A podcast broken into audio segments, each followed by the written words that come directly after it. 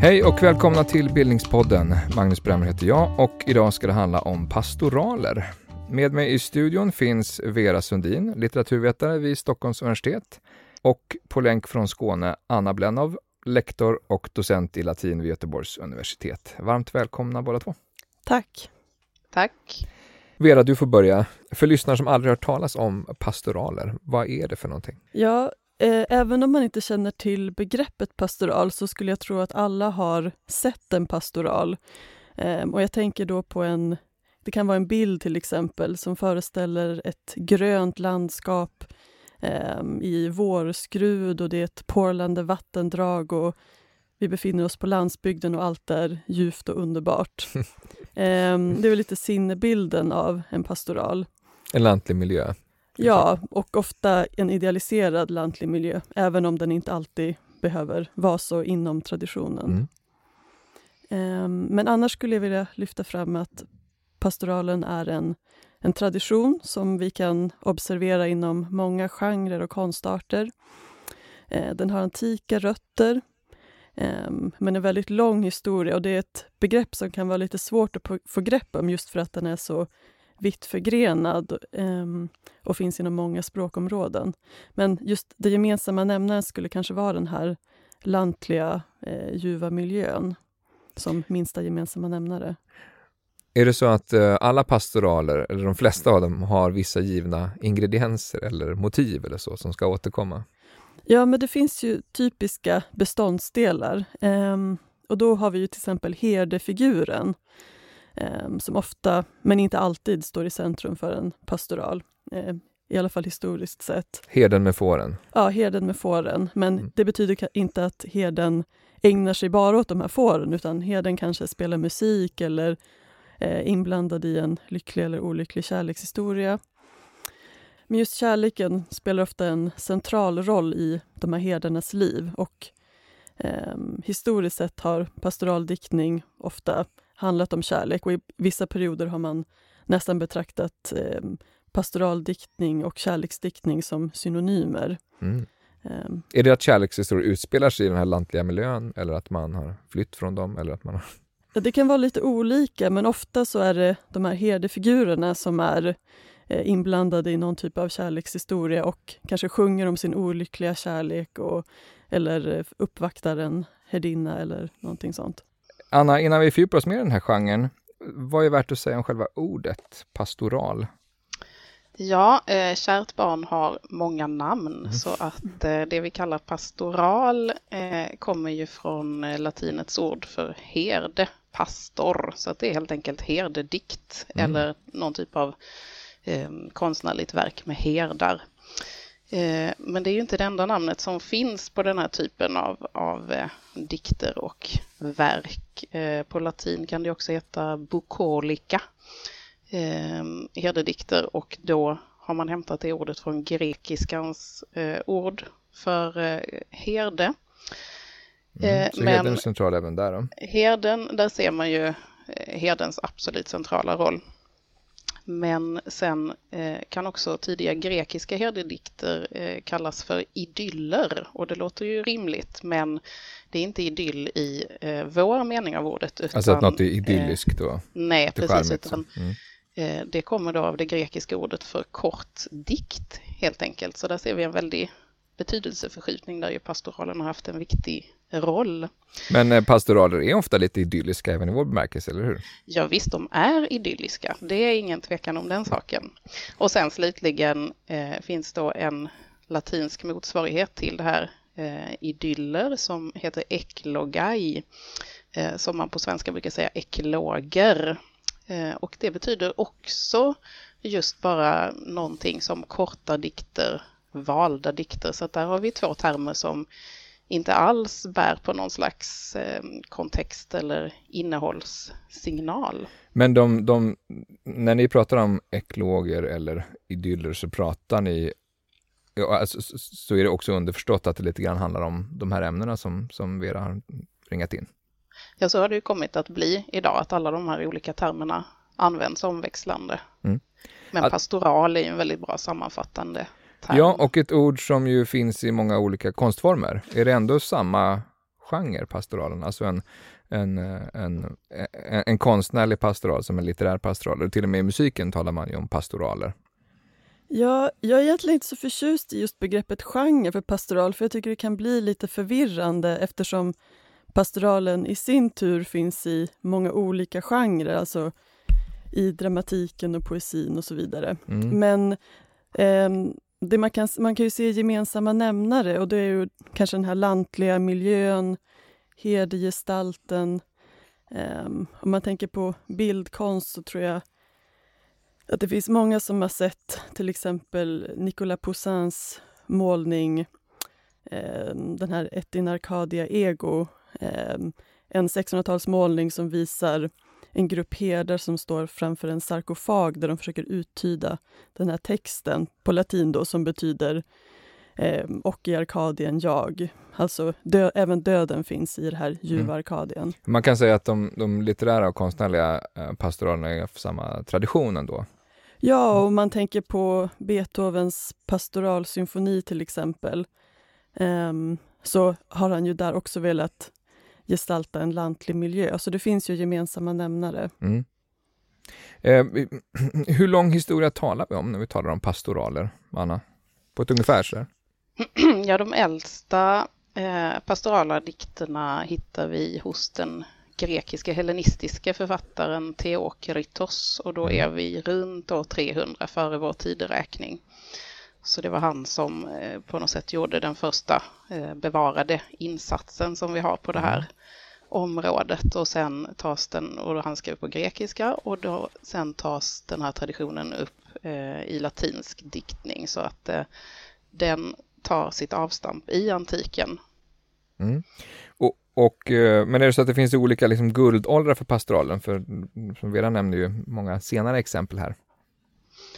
Jo, eh, man får säga att eh, när den romerske diktaren Vergilius eh, skriver sina pastorala dikter på första århundradet före vår tideräkning, det är en så oerhört central period för pastoraldiktningen och då är det så väldigt mycket som läggs fast och som introduceras och som sen kommer tillbaka igen och igen under pastoralens långa tradition. Men nästa stora höjdpunkt för pastoralen kommer under tidig renässans och då är det naturligtvis en del i det här centrala under renässansen att man återupplivar antiken och latinet och den latinska litteraturen på alla tänkbara sätt. Och där i ingår också pastoralen. Eh, så då eh, diktar man eh, ibland på latin, ibland på folkspråk, använder sig väldigt mycket återanvänder eh, det antika sättet att skriva pastoral, men det händer också väldigt mycket spännande nytt under renässansen som vi kan komma tillbaka till. Mm. Eh, alltså vid en första anblick så kan ju de här idylliska lantliga scenerna se eh, lite trötta och mossiga ut, kanske. Det kanske inte är den mest radikala genren. Håller ni med där eller, eller vill ni eh, direkt motbevisa det jag säger nu? Antar att ni som har forskat om detta tycker att det är en väldigt spännande genre på olika sätt. Ja, det är klart. um, men det finns ju en sån uppfattning om pastoralen att den är lite men dels att alla pastoraler är likadana och att de bara handlar om herdar och eh, kärlek och får och det är lite gulligt och inte, det finns inte så mycket mer där att upptäcka. Men jag tror både jag och Anna har upptäckt att när man verkligen ger sig i kast med det här ämnet så ser man att de här alltså pastoraltraditionens olika beståndsdelar kan varieras i oändlighet och också användas för att säga väldigt olika saker och berätta olika historier. Eh, så det är en mycket mer föränderlig och eh, flexibel tradition än vad man kanske tänker först när man eh, hört talas om den. Mm. Vad säger du, Anna?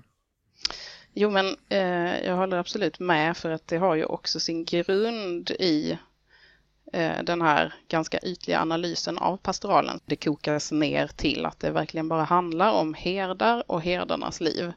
Men då missar man ju att det egentligen är en oerhört komplex och kaleidoskopisk litterär tradition där herdarna bara är på något sätt ett draperi eh, som kan dras undan och då egentligen avslöja nästan vad som helst. Och ofta som en, ofta då en kontrast till det här enkla herdelivet. Så att herdelivet är bara ett redskap för att sätta strålkastarljuset på någonting helt annat som stadslivet som vi redan har mm. Eh, varit inne på. Men också sånt som ehm, alltså civilisationskritik och diskussioner om utopier. Så att det här går mycket djupare än den där lilla betesängen med får. Vad är liksom det minst idylliska då i, i pastoralgenren? Alltså har, har den vid något tillfälle varit liksom radikal, och till, politisk till och med? Nej, men man kan se med pastoralen att den låter sig användas för väldigt olika syften och ibland motsägelsefulla eller syften som går rakt emot varandra. Men eh, om man tänker på en svensk poet som Hedvig Charlotta Nordenflykt som levde under 1700-talet så använde hon pastoralen för att föra fram sina då kvinnoemancipatoriska budskap som man får tänka var ganska radikala under 1700-talet i alla fall. Så mm. även det här kunde pastoralen rymma.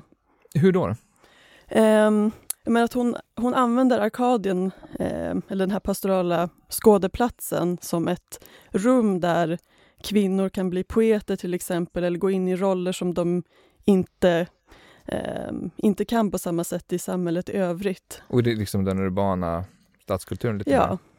Vad intressant, det, det, kan vi återkomma till och fördjupa oss lite i. Eh, Anna, vad, vad säger du? Jo, en annan eh, viktig kontrast också som finns i pastoralen och som fjärmar sig ganska mycket från det här idylliska romantiska perspektivet är ju döden som vi var inne på eh, lite tidigare. Döden är någonting som väldigt ofta kommer upp i pastoralen och på något sätt så används ofta pastoralen för att hantera det här eh, ofrånkomliga eh, existentiella perspektivet. Att hur ska, vi, eh, hur ska vi förhålla oss till döden och det är någonting som finns med i pastoralen som det här liksom mörka stråket ända från antiken och under hela pastoralens historia. Mm. Eh, skulle ni säga att det är en levande genre idag?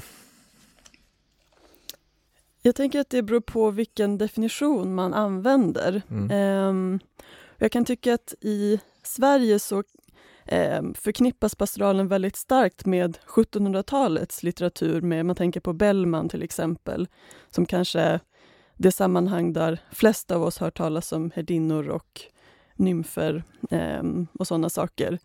Men eh, i till exempel det engelska språkområdet som är väldigt stort så eh, brukar man använda en mycket bredare definition av vad pastoral är och där har man inte samma problem med att prata om pastoraler eh, idag. Eh, men jag tänker att om man betraktar pastoralen eh, som den här kanske längtan till en lantlig fristad där samhällets normer inte är lika tryckande så eh, skulle jag absolut beskriva pastoralen som levande idag. Eh, jag tänker bara alla människor som drömmer om sommarstugor mm. eh, när semestrarna kommer där man kan leva lite mer primitivt men mer i samklang med naturen är väl, skulle man väl kunna se kanske som någon typ av pastoral längtan. Mm. Vad säger du Anna? Ser du pastoraler ja, i samtidskulturen? Ja, och just det här att den rör sig mellan olika medier som till exempel tar alla trädgårdsprogram på tv som ju också är den här flykten till en annan värld och någonting som är så centralt i pastoralen är ju direktkontakten med naturen och allting som den skapar av olika möjligheter. Eh, men bara en sån sak som eh, eh, Mandelmans trädgård mm. som man då kan följa på tv. Det är ju verkligen en värld för sig som mm. också är väldigt romantiskt färgad.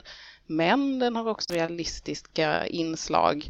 Eh, så att den pastorala drömmen finns nog hela tiden med oss och kommer till uttryck på olika sätt. Mm. Det handlar väldigt mycket om längtan till naturen fast av väldigt många olika skäl då även i pastoralens långa historia om jag fattar det rätt. Ja. Om vi ska ta det här ännu lite grundligare från början då och går tillbaka till pastoralens rötter där i antiken. Eh, Theokritos och Vergilius nämnde du, Anna. Finns det mer intressanta saker att säga om dem? Absolut, det finns det. Och det är väldigt intressant hur pastoralen uppkommer eh, och i vilken miljö för Teokritos då som är först ut. Han är ju en produkt av den här väldigt eh, litterärt lärda hellenistiska miljön där vi har till exempel biblioteket i Alexandria där man arbetar väldigt mycket med litterära traditioner och så vidare. Eh, och pastoralen uppkommer i eh, den typiska hellenistiska diktningen som mm. älskar detaljrikedom, stilistiska finesser, lärda anspelningar. Men allt det här då, en väldigt komplex struktur, eh, vill man dölja under en synbar enkelhet. Och det är ju mm. precis det som pastoralen sen fortsätter att vara. Hur, hur, kan, hur kan, det, hur kan det se ut? Eh, ja, eh, temat är ju då eh, herdar eh, och en typisk sån här pastoraldikt eh, kan ju vara att två herdar som är ute med sin flock möts under ett träd, sätter sig ner och får en stunds vila med sina djur. Och då utnyttjar de det här tillfället till eh, en sångar eller diktartävling i ett slags växelsång.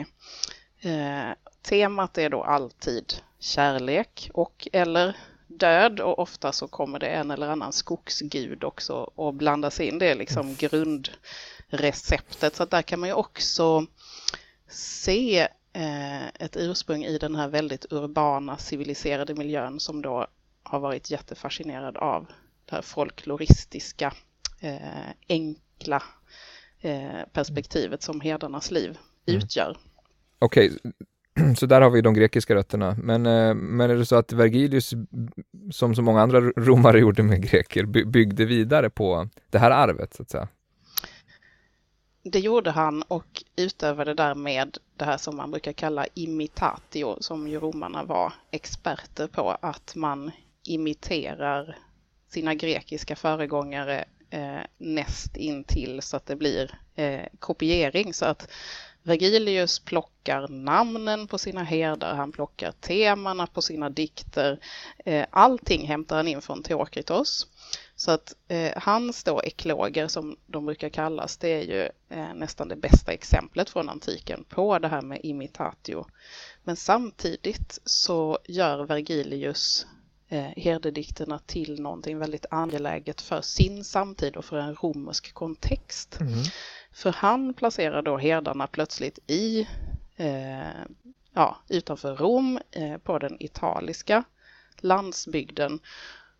Och så plockar han också in eh, alltså reella personer, namngivna personer från sin egen samtid. Han anspelar på händelser i samtiden som inbördeskrigen och allt som de innebar för livet på landsbygden. Så att mm. eh, Vergilius är på något sätt den som den första som verkligen öppnar upp den här hemliga dörren mellan verkligheten och samtiden å ena sidan och dikten å andra sidan som blir eh, en sån viktig del av pastoralen. Mm. Längtan till landet kan man ju förstå är en, en tidlös företeelse, åtminstone en företeelse lika gammal som, som stadskulturen någonstans. Men, men eh, finns det någon särskild anledning till att man just intresserar sig för, för eh, herdelivet så tydligt i, i, i antiken? Ja, och det är egentligen kanske inte främst längtan till landet utan det är eh, har istället menar jag, under den antika pastoralens tid med dikten och diktandet att göra. Och att man kopplar det här till herdar, eh, det gör man då med anledning av eh, att man tänker sig det här grekiska herdelandskapet Arkadien som också Vergilius är den första att riktigt tydligt artikulera i sina dikter. Eh, och under antiken så menade man att det här landskapet Arkadien dels så levde man väldigt alltså ursprungligt, det var eh, ett enkelt herdeliv, men av någon anledning så var invånarna i det här landskapet extra begåvade i sång och dikt. Mm. Eh, och Pan, eh, liksom skogens gud men också diktens gud, kommer från Arkadien. Mm. Så att i den antika pastoralen så blir också naturen ett sätt att förklara hur dikten kommer till människan. Och det har ju såklart också att göra med en närhet till naturen och antikens syn på naturen som att den alltid är besjälad av gudar och på så sätt kan man också komma i kontakt med den här poetiska mm. Så eh, nat naturen är både herdens plats och, och diktarens plats någonstans. Eh, ja. Arkadien har ni och, och, nämnt några gånger redan. Jag kan säga något mer om vad det var för någonting? Men I verkligheten så är Arkadien en bergregion på Peloponnesos. Men i diktens värld så beskrivs det ofta som en väldigt lummig plats där det finns lugna vattendrag och eh, fruktträd och doftande blommor. Så en väldigt just idyllisk plats, så som vi uppfattar det idag. Och, och som blir en, en, eh, en sorts urscen för många av de här eh, pastorala dikterna, eller hur? Ja. Och det hänger ju också ihop med alltså den här allt mer utopiska eh, vinklingen av Arkadien nästan som ett paradisiskt landskap. Eh, och det finns ju inte med i de antika pastoraldikterna utan där är det fortfarande ett ganska realistiskt och ganska primitivt eh, och lite brutalt eh, landskap som skildras faktiskt. Men, men eh, vi kan se att från renässansen sen så arbetas det här utopiska draget in i pastoralen och då måste den här pastoralens plats också spegla det och bli allt mer idealiserad och mm. också overklig. Ehm, men i, när det gäller just de antika dikterna, vi, och vi kommer ju fokusera nu på, på eh, den litterära pastoralen i det här samtalet, eh, mer än, än konsten och musiken. Eh, är det så att det är, vem är jag i de här dikterna? Är de skrivna på det sättet? Är det så att det är herden själv som beskriver den här miljön? Eller finns det olika eh, återkommande karaktärer så att säga, i den antika pastoralen? Det är ju en jättespännande och oerhört viktig fråga för att i flera av Vergilius pastoraldikter så är det ett jag som talar i dikten. Och det här jaget är en herde eh, och har då de här olika typiska herdenamnen som Tityrus eller Meliboius. Eh, men eh, läsarens kunskap om att det är diktaren Vergilius som står bakom det här och hela det här att eh, det fortfarande på Vergilius tid var en väldigt lärd poetisk tradition. Det gjorde ju att det här draget kom med väldigt tidigt att man på något sätt eh, förutsätter att det här bara är förklädnader. Herdarna är i själva verket poeterna. Mm. Så att vi kan inte säga helt säkert hur det verkligen var på Vergilius tid, men eftervärlden har ju varit helt övertygad om att nej men Vergilius är den här herden som berättar om hur han har förlorat sin mark i inbördeskrigets spår och sen får tillbaka marken eh, via en rik välgörare. Och det speglar ju Vergilius eget liv. Eh, men här är ju frågan om just eh, eh diktpersona och sådär väldigt central. Men det har då följt med sen fram i senare pastoraler att mm. man uttalat eller outtalat eh, hittar såväl författare och poeter som andra verkliga personer bakom herdarna. Mm -hmm. Som, eh, som är gestaltade i dikten eller som har varit delades upphov? Eh, som gestaltas i dikten eh, och till exempel om vi eh, går lite längre fram i tiden så Francesco Petrarca var ju en poet som under 1300-talet då tog upp eh, pastoralen igen i den tidiga renässansens antikiserande tradition.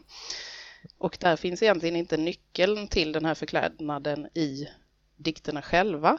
Men däremot så har vi väldigt många brev av Petrarca bevarade och där skriver han vitt och brett om att ja men herden Silvius det är ju jag själv och den här andra herden det är den här andra personen så där mm. har vi liksom svart på vitt att man ägnade sig åt den här eh, förklädnadsleken. Mm. I, I de fall man, man, man, just talar om hur renässansen plockar upp det klassiska arvet så brukar den mörka medeltiden vara just ganska mörk och tom. Är, är det så även i pastoralens fall? Finns det medeltida pastoraler? Det finns ett litet fåtal då ekloger eller pastoraler från medeltiden men den här traditionen blir i princip obefintlig under medeltiden. Och detta trots att man ju under den här perioden var oerhört förtjust i Vergilius som författare. Men då är det kanske mest hans episka diktning som man eh, är intresserad av. Mm. Och det kan ju ha att göra med också Eh, den kontext som liksom hela Europa hamnar i under medeltiden, att det här oerhört civiliserade urbana livet eh, upphör till stor del. Det blir ett mycket lantligare liv, alltså man lever plötsligt pastoralen och då kan man inte dikta om den som en eh, annan värld. Mm. Så om vi, ska, om vi ska hoppa fram till renässansen och, och, och där tas vidare fram till, till eh, 1700-1800-tal. Är det så man ska förstå den här pastoralens renässans också just i renässansen, att det är, det är i samband med de här tidigmoderna stadskulturernas eh, framväxt som också en ny längtan till eh, landet väcks till liv igen. Ja, men det, många av de verk som skrivs i den här pastorala traditionen under renässansen och som blir riktiga bästsäljare i Europa kommer från de italienska stadsstaterna, alltså mer urbana miljöer. Då. Mm. Um, och man kan tänka då till exempel på um, Guarini som skriver ett verk som heter Il Pastor Fido, Den trogne herden, som publiceras i Venedig uh, vid slutet av 1500-talet och som sen uh, blir en opera av Händel och eh, imiteras på många olika sätt i olika språkområden i Europa. Och Det finns flera sådana verk som skrivs just under den här perioden som sen blir väldigt imiterade och då flyttar mellan olika konstarter. Mm. Men det finns många exempel i de här renässanspastoralerna att man polariserar mellan stad och land och staden framställs som korrupt och falsk och landet idealiseras väldigt mycket. Mm. Okej, okay, så det är verkligen en, en, en renässans också för denna längtan till landet som vi har varit inne på. Eh, det du var inne på Anna, det här med det, det utopiska draget eh, som, man, som finns, eh, som är starkare i, i renässansens pastoral än i antikens. Har det något också att göra med relation, renässansens relation till antiken? Ja, det har det verkligen för att det är ju en av sakerna som verkligen påverkar pastoralens utveckling under renässansen. Det här att plötsligt är antiken en period som man har en väldig distans till, både i tid och rum, mm. samtidigt som man inget hellre vill än att återuppliva eh, antiken och den antika litteraturen. Och det arbetar då plötsligt in ett element av nostalgi och längtan efter någonting oåterkalleligt förlorat i pastoralen som ju inte riktigt har funnits med i antikens diktning. Utan här blir liksom längtan efter den förlorade antiken när allting var så fantastiskt bra mm. eh, blandas samman med att man placerar då den här längtan i landskapet Arkadien, herdediktningens landskap och då gör man om detta också till mer av ett förlorat paradis. Eh, och det är liksom först då det blir evig vår i herdedikterna till exempel. Mm. Jaha, det var det inte under antiken? Nej. Det kunde vara vinter? Det kunde vara väldigt obehagligt väder. Mm. Under renässansen och framåt då, vilka är de stora liksom pastoralförfattarna och konstnärerna? Ja, utöver Guarini som jag nämnde tidigare så har vi till exempel Torquato Tassos Aminta eh, som också blir väldigt eh, imiterad och läst. Också en italiensk poet. Ja, och eh, mer på det italienska temat så har vi Sanazzaros Arcadia. Ehm, och där kan vi ju se också att han sätter det här arkadiska landskapet i titeln mm. Ehm, på sitt verk. Um, Just det, den här. Och då är det den specifika bergsregionen? Eller är det mer av en, en, en dröm? Det är ett mer idealiserat, eh, en mer idealiserad plats som kontrasteras mot hans då Neapel där han själv mm. lever. Mm. Um, och sen i, i den engelska litteraturen så har vi till exempel Edmund Spencers The Shepherd's Calendar. Um, men det finns många sådana här exempel mm. från den här tiden. Och konstnärer då? För det här är rätt samtida i konsten och litteraturen, eller hur? Ja, lite längre fram under 1600-talet finns ju den franske eh, målaren Claude Lorrain som var verksam i Italien. Um, Och hans målningar föreställer ofta de olika, kanske bibliska eller eh, antikt myt mytologiska scener som försiggår eh, lite grann i bakgrunden och sen har vi de här soldisiga eh, landskapen. Generellt kan man ju säga att eh, i någonting som uppkommer under 1600-talet är ju det italienska landskapsmåleriet som blir oerhört eh, populärt. Och då är det ju ett italienskt eh, underskönt landskap vi ser som ju är inspirerat av den faktiska platsen. Men det pastorala i det här är ju på något sätt hur landskapet möjliggör att berätta alla typer av berättelser, inte bara att skapa poesi. För att i de här målningarna så kan man ju typiskt då se en liten historisk scen utspela sig. Då kan det vara en antik myt som händer lite diskret i hörnet. Eller det kan vara en biblisk berättelse till exempel. Eh, så att eh, måleriet på den tiden är ett väldigt bra exempel på att pastoralen används som ett redskap för att eh, föra fram olika typer av myter och berättelser. Mm. 1700-talet sen blir en riktig guldålder för, för pastoraler. Varför då? Vera? Ja, i Sverige så eh, har man ju ofta sett det på det sättet. Um, och det hänger ihop med att eh, de franska influenserna är väldigt starka i all kultur under den här tiden. Och via det franska och det kontinentaleuropeiska så eh, kommer pastoralen in väldigt starkt i den svenska litteraturen, även om den har förekommit eh, tidigare också. Vad, vad, är det mest spännande med, med just svenska pastoral på 1700-talet, som är lite grann ditt specialområde, Vera? Ja, men att pastoralen aktualiseras i de frågor som man är eh, mest intresserad av vid den här tiden, eh, vad gäller kulturen. Och då tänker jag till exempel på eh, det svenska litterära sällskapet Tankebyggarorden eh, där eh, poeter som Hedvig Charlotta Nordenflykt, eh, Gustav Filip Kreutz och eh, Gustav Fredrik Gyllenborg till exempel var verksamma. Eh, och att de började använda eh, pastoralen som en arena att föra kulturpolitisk debatt där man ehm, deras mål då var att eh, att den svenska litteraturen skulle bli konkurrenskraftig internationellt ehm, och att ja, den svenska litteraturen skulle kunna börja tävla med den franska till exempel. Ehm, och pastoralen ehm, aktiveras i de här sammanhangen och de börjar skriva pastoraler där landskapet till exempel fortfarande är väldigt igenkännligt, typiskt arkadiskt men alla eh, arter är utbytta mot eh, eh, svenska eh, mm. träd och djur. Så det går älgar och betar i Arkadien till exempel. Så här, befinner sig här upplever man att pastoralen befinner sig vid den konstnärliga frontlinjen? På något sätt. Ja, de vill, de vill inspirera sin publik till att förstå att eh, Arkadien finns även hos oss, att även våra landskap är konkurrenskraftiga och vår poesi kan vara lika eh, framstående som den som finns på kontinenten. Att vi, ska inte, vi behöver inte leta någon annanstans efter Arkadien, för det kan också finnas här. Mm. Och finns den här polariseringen mot den urbana kulturen och staden fortfarande kvar här i, i, i deras pastoraler? Ja, den finns starkt i många 1700-tals pastoraler. Um, men man kan ju tänka också på en sån gestalt som Bellman till exempel, som ju kommer lite senare och hur han istället flyttar pastoralen till staden. Um, och de här gestalterna som han sjunger om i sina epistlar eh, blir nymfer och herdinnor. Och, så där blir det som en dubbellagring av den här urbana kulturen och den pastorala miljön. Mm.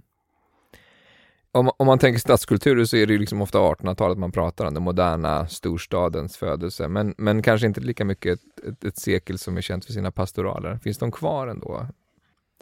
Pastoralen finns absolut kvar under 1800-talet, men Eh, den antika kopplingen blir lite lösare än vad den har varit tidigare och eh, landskapet som skildras blir ofta mer specifikt svenskt med nordiska arter och sådär. Ehm, även om den här tendensen finns även under 1700-talet.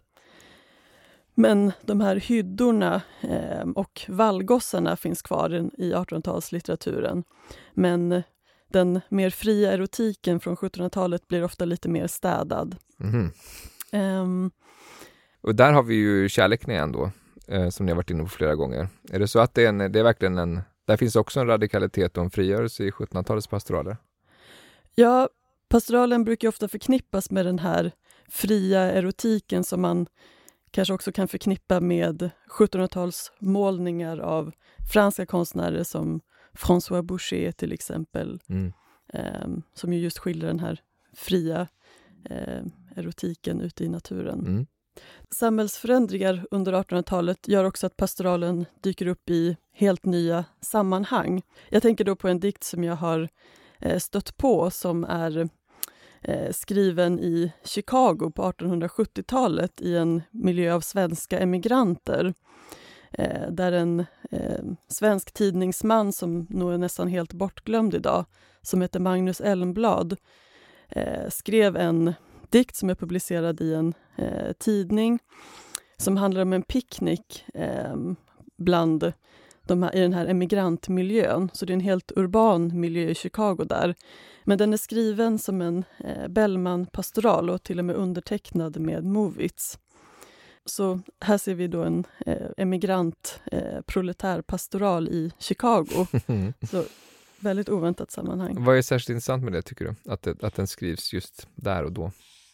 Ja, men jag tycker det å, återigen illustrerar att pastoralen låter sig användas för väldigt många olika syften. Och I den här eh, dikten som är en, en väldigt kärleksfull hyllning till den Bellmanska eh, pastoralen så eh, klär Elmblad den här eh, ganska ruffiga picknicken i den här pastorala skruden och eh, skildrar återigen den här längtan till det gröna och till eh, att eh, de här eh, stränga reglerna ska lösas upp lite grann om bara för en kväll och man ska få dansa och vara glad. Mm. Ehm, men också som ett sätt, jag tänker i den här miljön, att eh, påminna de här emigranterna om eh, Bellman som kommer från det land som de har lämnat och Mm. något slags eh, ett försök att skapa sammanhållning där. Innan vi slutar tänkte jag att vi kunde fördjupa oss lite i, i, i ett par enskilda texter. Kan vi inte i, i ditt fall Vera återvända till Nordenflykt eh, som du var inne på i början ehm, Eh, och pastoralen som ett sätt för den kvinnliga diktaren att få ett nytt utrymme. Var, var det någon särskild dikt du tänkte på där? Ja, men eh, Nordenflykts dikt Ensligheten från början av 1760-talet Ehm, som skildrar just en... Eh, alltså den skildrar ett jag som lämnar staden där människor är falska och svekfulla och hon kommer då till en eh, ljuv pastoral plats. Ehm, och det som jag tycker är så spännande med den här dikten är att Nordenflykt verkligen utnyttjar pastoralens potential här. För att vi kan egentligen bocka av väldigt många av de mest typiska pastorala dragen med det här ljuva landskapet. Men, eh, och vi har till och med ett eh, kärleksmöte här som är ofta också väldigt typiskt för eh, mycket pastoral. Men hon gör någonting annat av det. För att det som händer när jaget kommer till den här platsen är att hon dels interagerar med den här miljön. Det är inte bara en tom kuliss utan hon, eh, hon upplever ett, en samvaro med de här djuren och eh, den här naturen på platsen. Och när hon eh, är där så blir hon uppsökt av skaldeguden som kommer då till hennes hydda och han ger henne skaldegåvan.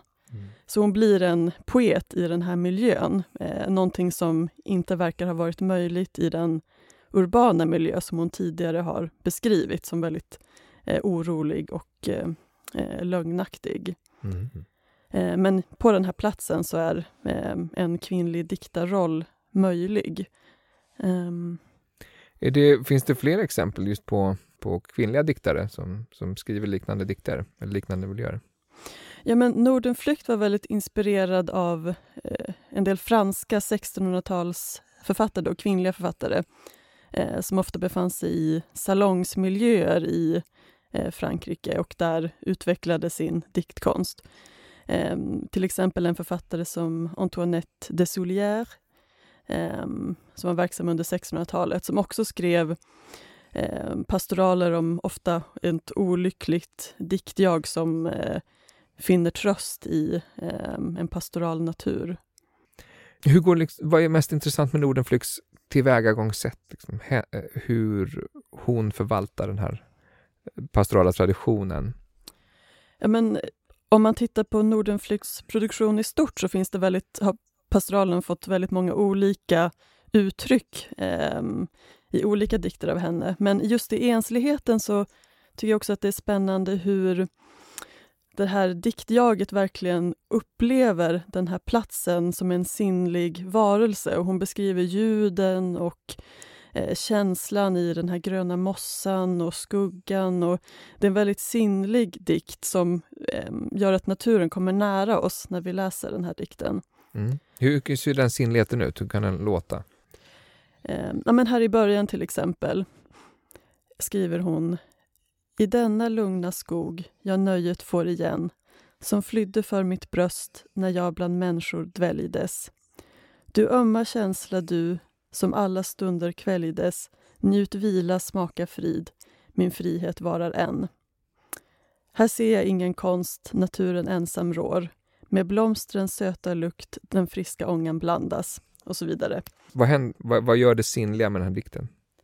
Men I den här miljön så får jaget frid och hon kan slappna av på ett sätt som inte var möjligt i staden där Ehm, och staden beskrivs som en väldigt tjattrande och stressande miljö där folk är på en hela tiden. Men det försvinner så fort hon eh, kommer ut i eh, naturen ehm, och istället kan interagera med blommor och eh, fåglar. Och, ehm, och det gör också att hon hon beskriver hur hennes tanke blir befriad och hon kan tänka mycket större tankar som rör sig långt över den här lilla eh, lantliga miljön där hon befinner sig och hur mm. tanken svävar fritt. Då. Så att i det här lugnet så möjliggörs större tankar och en eh, intellektuell frihet på ett nytt sätt. Den heter också ensligheten, så det är också en ensamhet som ja. personer upplever. Men hon, hon poängterar samtidigt att hon inte är ensam, hon är bara Um, för hon har den här samvaron med um, allt liv på platsen, men hon är uh, enslig på så sätt att det inte finns några andra människor där. Och det verkar vara det som är nyckeln här. Just det, fri från påstötningar och tjattrande och blickar till och med kanske. Ja, och det, just i 1700-talets eh, svenska pastoraldiktning så återkommer ofta det här lite eremit-temat och föraktet mot världen och att man drar sig undan världens buller och då kan man få um, ja, då kan man bli en friare människa. Anna, har, uh, har, du, någon, har du någon favorit i, i den antika pastoraltraditionen? Ja, då måste man ju återvända till Vergilius och då tycker jag att hans tionde eklog eh, är liksom den mest komplexa, den som bär på flest av alla de här eh, pastoralens redskap. Eh, den handlar om hans eh, verklige vän, poeten, fältherren och politikern Gaius Cornelius Gallus, som eh, alltså också diktade, men inte pastoral poesi utan eh, elegier som vi tyvärr inte har eh, bevarade, men vi har då Vergilius och andras vittnesmål om det här. Och då är det så att det visar sig att Gallus är olyckligt kär. Han har blivit övergiven av kvinnan som han älskar, Lykoris. Hon är långt borta någonstans. Och på grund av det så dimper Gallus ner mitt i Arkadien. Där sitter han på en klippa och gråter i eh, sin olyckliga kärlek. Och så beskriver Vergilius hur eh, liksom alla kommer fram oroligt och undrar vad det är som händer. Herdarna kommer fram, eh, Apollon kommer fram, skogsguden Silvanus kommer fram och Arkadiens gud Pan. Och så till slut så står alla runt Gallus och frågar, men Gallus, hur är det fatt? Hur kan det komma sig att du är så, så betryckt av kärleken? Eh, och då svarar eh, Gallus så här, och dock ska ni sjunga arkader, sjunga om detta för bergen en gång. Ni känner ju sångens konst i Arkadiens land. O, hur skönt ska jag slumra i jorden om ni till herdepipan en gång besjunger min kärlek. Så att han är beredd att dö i sin olycka här. Eh, men så får han liksom en sista tröst av att befinna sig i det här landskapet Arkadien som då på samma gång är det faktiska grekiska landskapet och en helt litterär plats där Vergilius då kan plocka in sig själv, sina vänner och läsaren. Alla möts här, alla står runt mm. omkring Gallus och är oroliga. Vad är, vad är särskilt intressant med det tycker du? Jo men det är ju den här, alltså ibland när man läser vissa typer av pastoraldikter så tycker jag att man plötsligt kan drabbas av eh, frågan om det överhuvudtaget handlar om naturen eller om det bara handlar om dikt och litteratur och alltså skapandets, skapandets plats. Och det var ju det som Vera precis var inne på också, eh, att det finns den här fysiska platsen eh, som alltid på något sätt finns i naturen. Det finns ett litet vattendrag, det finns skugga av träden och det behagliga och det också lite gudomliga på den här platsen möjliggör för människan att dikta och diktandet kan då i sin tur bringa tröst, eh, till exempel i kärlekssorg och, eh, och inför döden. Eh, men sen så slutar det ju med i den här eklogen att eh, först så tänker sig Gallus att han, han liksom åkallar den här kvinnan han är förälskad i, Lykoris, och säger att om du skulle ha varit här med mig, då skulle alla våra problem vara borta. Vi skulle åldras här tillsammans i den här underbara miljön. Eh, men sen så säger han att nej, men eh, det är trots allt omöjligt för kärleken, amor, besegrar allt och även jag måste vika för amor. Det är det här som har blivit eh, ett väldigt känt latinskt citat. Omnia vincit amor et nos quedamus amori. Så att här kan man då se att den pastorala poesin kan transportera oss till den här underbara gläntan i skogen där vi kan få en stunds tröst. Men kärleken och också döden är ändå alltid större krafter mm. som vi måste underordna oss.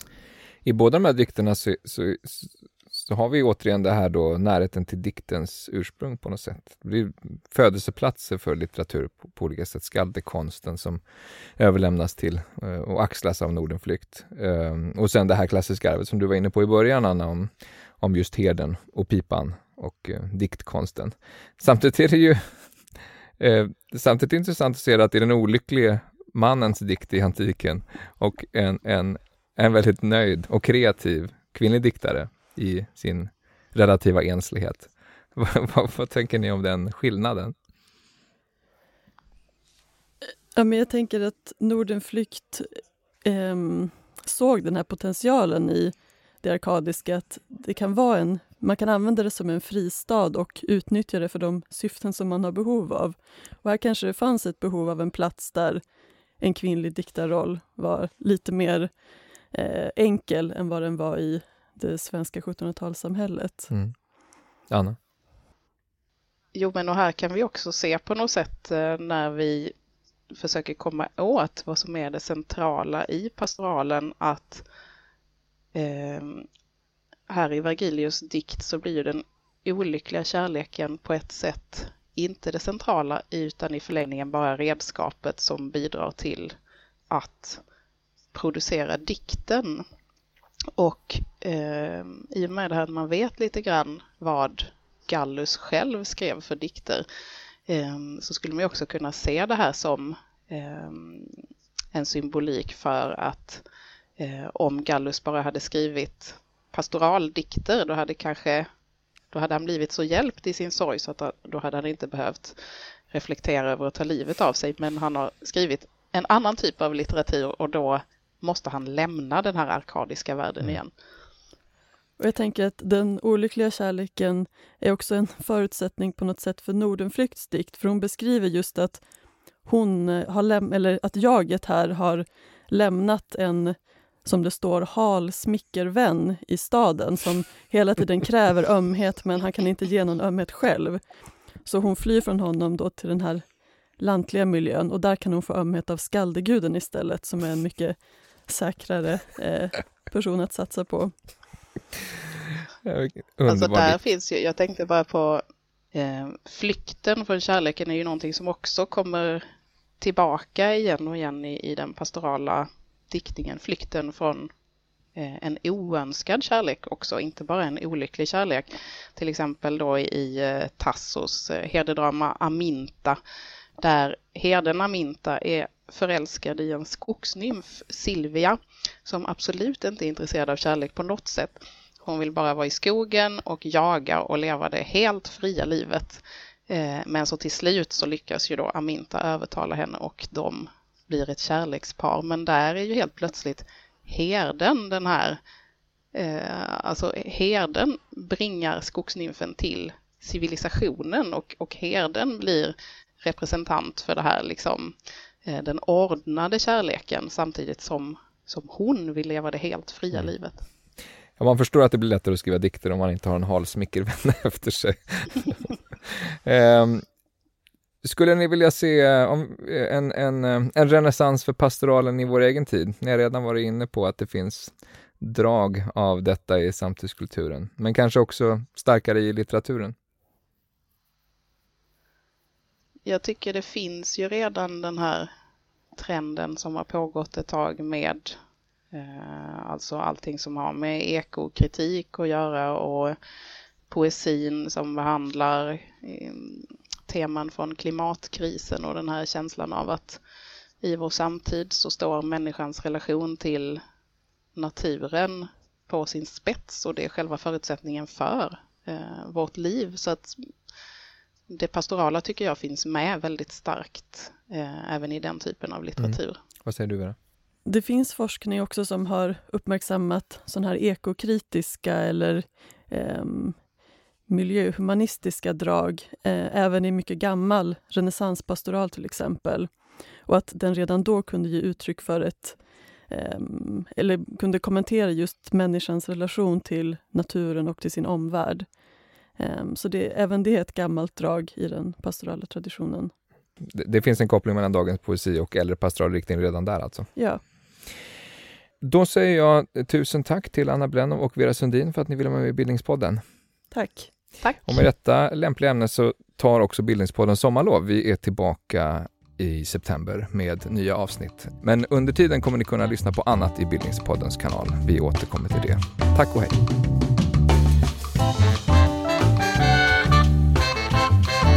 Du har lyssnat på Bildningspodden, en del av bildningsmagasinet Anekdot.